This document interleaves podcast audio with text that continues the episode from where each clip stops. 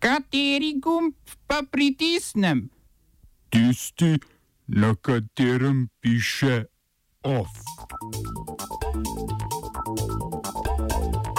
Ameriški predsednik Donald Trump odpustil svetovalca za nacionalno varnost Johna Boltona. Sodišče EU ruskemu Gazpromu onemogočilo dostop do Severnega toka 1. Ameriške in nigerijske oblasti družno proti nigerijskim princem. V kulturnih novicah festivala Spider in Indigo.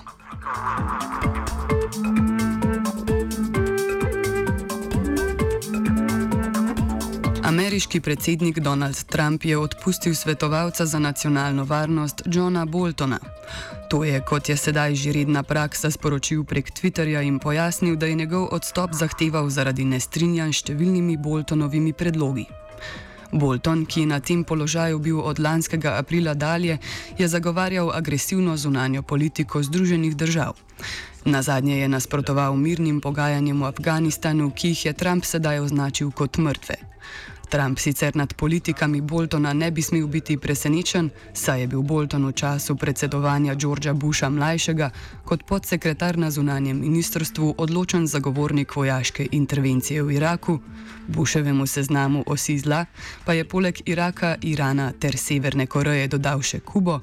Libijo in Sirijo ter zagovarjal strmoglavljanje vlad v teh državah. Trump Boltonov, Boltonovega naslednika še ni imenoval, začasno pa bo njegov položaj zasedel dosedani namestnik Charles Cooperman.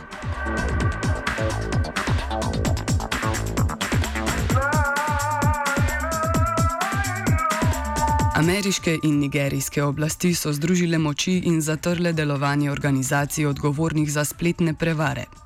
Tako imenovana operacija Rewired je v zadnjih štirih mesecih razkrila več tovrstnih nezakonitih delovanj, večina pa jih izhaja iz Nigerije. Ameriško pravosodno ministrstvo je ob tem sporočilo, da je bilo za zdaj aretiranih 281 ljudi, največ 167 iz Nigerije, 74 pa tudi iz Združenih držav Amerike. Prevare so usmerjene v podjetja in posameznike, od katerih z zavajanjem poskušajo doseči, da na lažne bančne račune nakažejo večje zneske. V sklopu operacije so do sedaj zasegli skoraj 3 milijone in pol evrov, povzročena škoda pa naj bi samo v letu 2018 presegla milijardo evrov.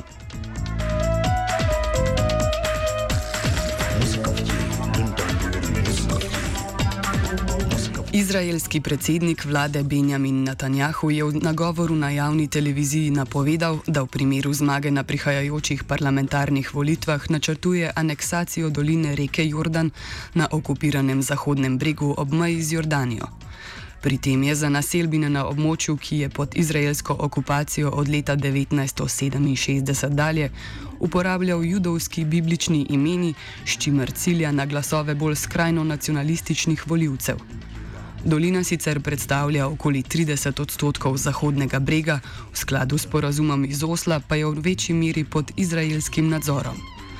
Netanjahujevi načrti so razumljivo naleteli na precejšnje neodobravanje, turški zunani minister Mevlut Čavašoglu ga je denimo obtožil rasizma, savdski kraljevi dvor pa je opozoril na kršitev načel mednarodnega prava.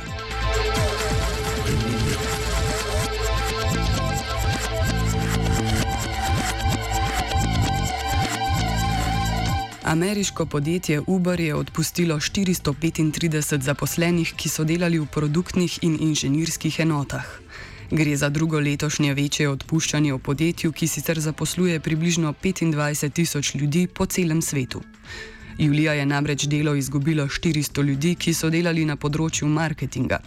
Razlog za odpuščanje je poskus varčevalnih ukrepov in krčanja ekip. Uber je od letošnjega maja dalje delnice uvrstil na borzo, a je njihova vrednost padla pod pričakovanja podjetja.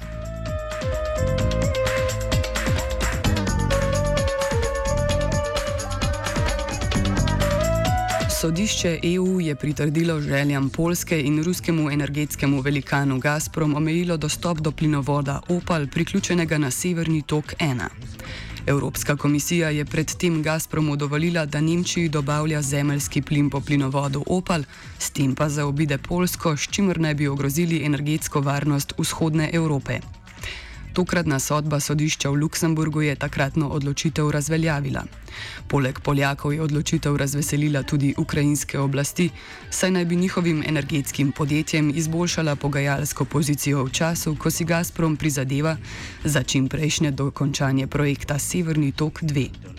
Slednji bi lahko pri dobavljanju ruskega plina v evropske države zaobšel ukrajinske plinovode. Evropske države sicer iz Rusije uvažajo približno tretjino zemljskega plina, večji del pa prihaja iz Ukrajine.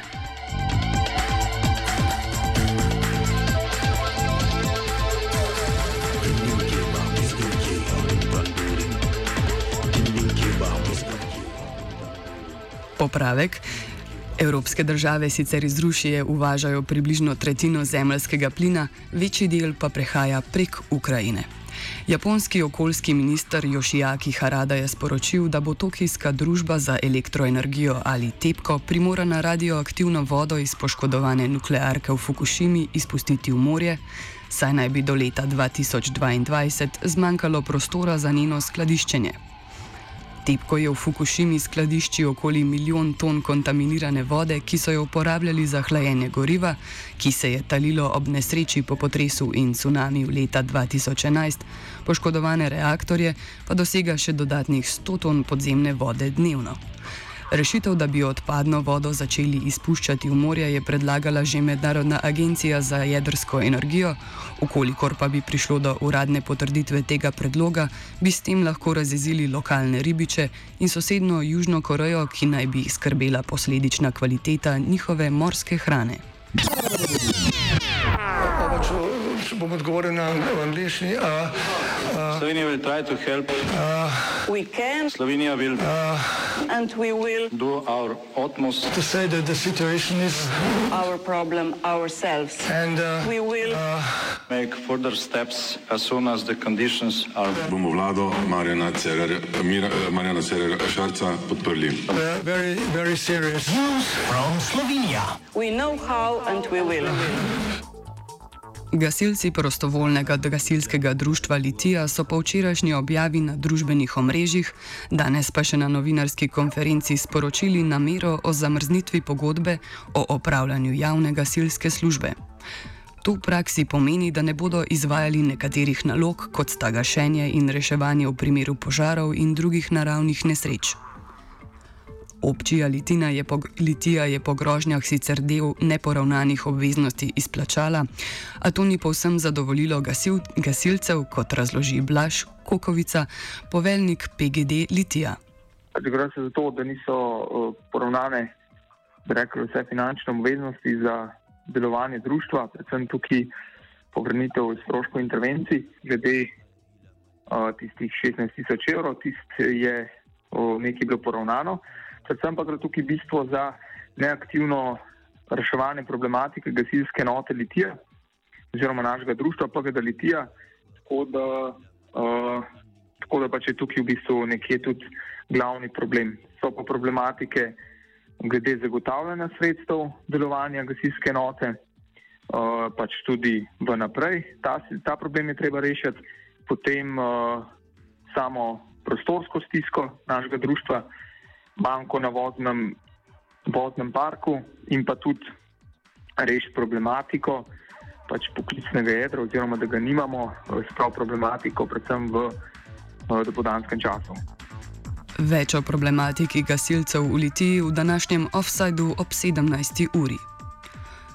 Ministr za zdravje Aleš Šabeder je napovedal, da bo srednješolsko izobraženim delavcem in delavkam v zdravstveni negi spet dovoljeno opravljati določene naloge, ki jih od začetka septembra niso smeli zaradi novo sprejetega dokumenta o kompetencah in aktivnosti v zdravstveni negi.